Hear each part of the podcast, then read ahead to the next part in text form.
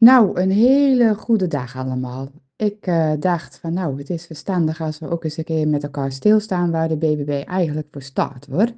Nou, luister dan eens goed naar deze speerpunten over het verkiezingsprogramma van de BBB. Allereerst de woningbouw. Iedere burger een thuis. Daar kunnen we heel gemakkelijk in zijn.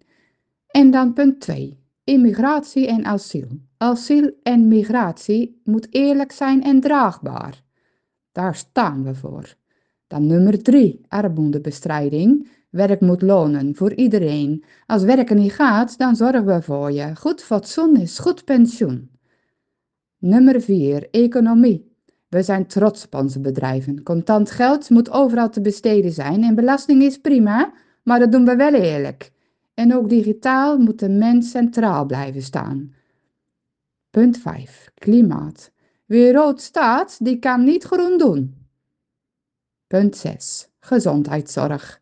Geen zorgen om uw zorg. Punt 7. Landbouw en visserij. Voldoende voedsel uit eigen land. Nummer 8. Defensie. Midden in de wereld, vol daadkracht. Nummer 9. Veiligheid.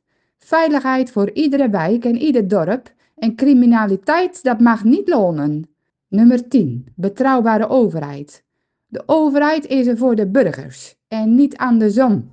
Nou, dat was het al. Zo kort en krachtig. BBB waardig, zullen we zeggen. Bedankt voor het luisteren. Dag!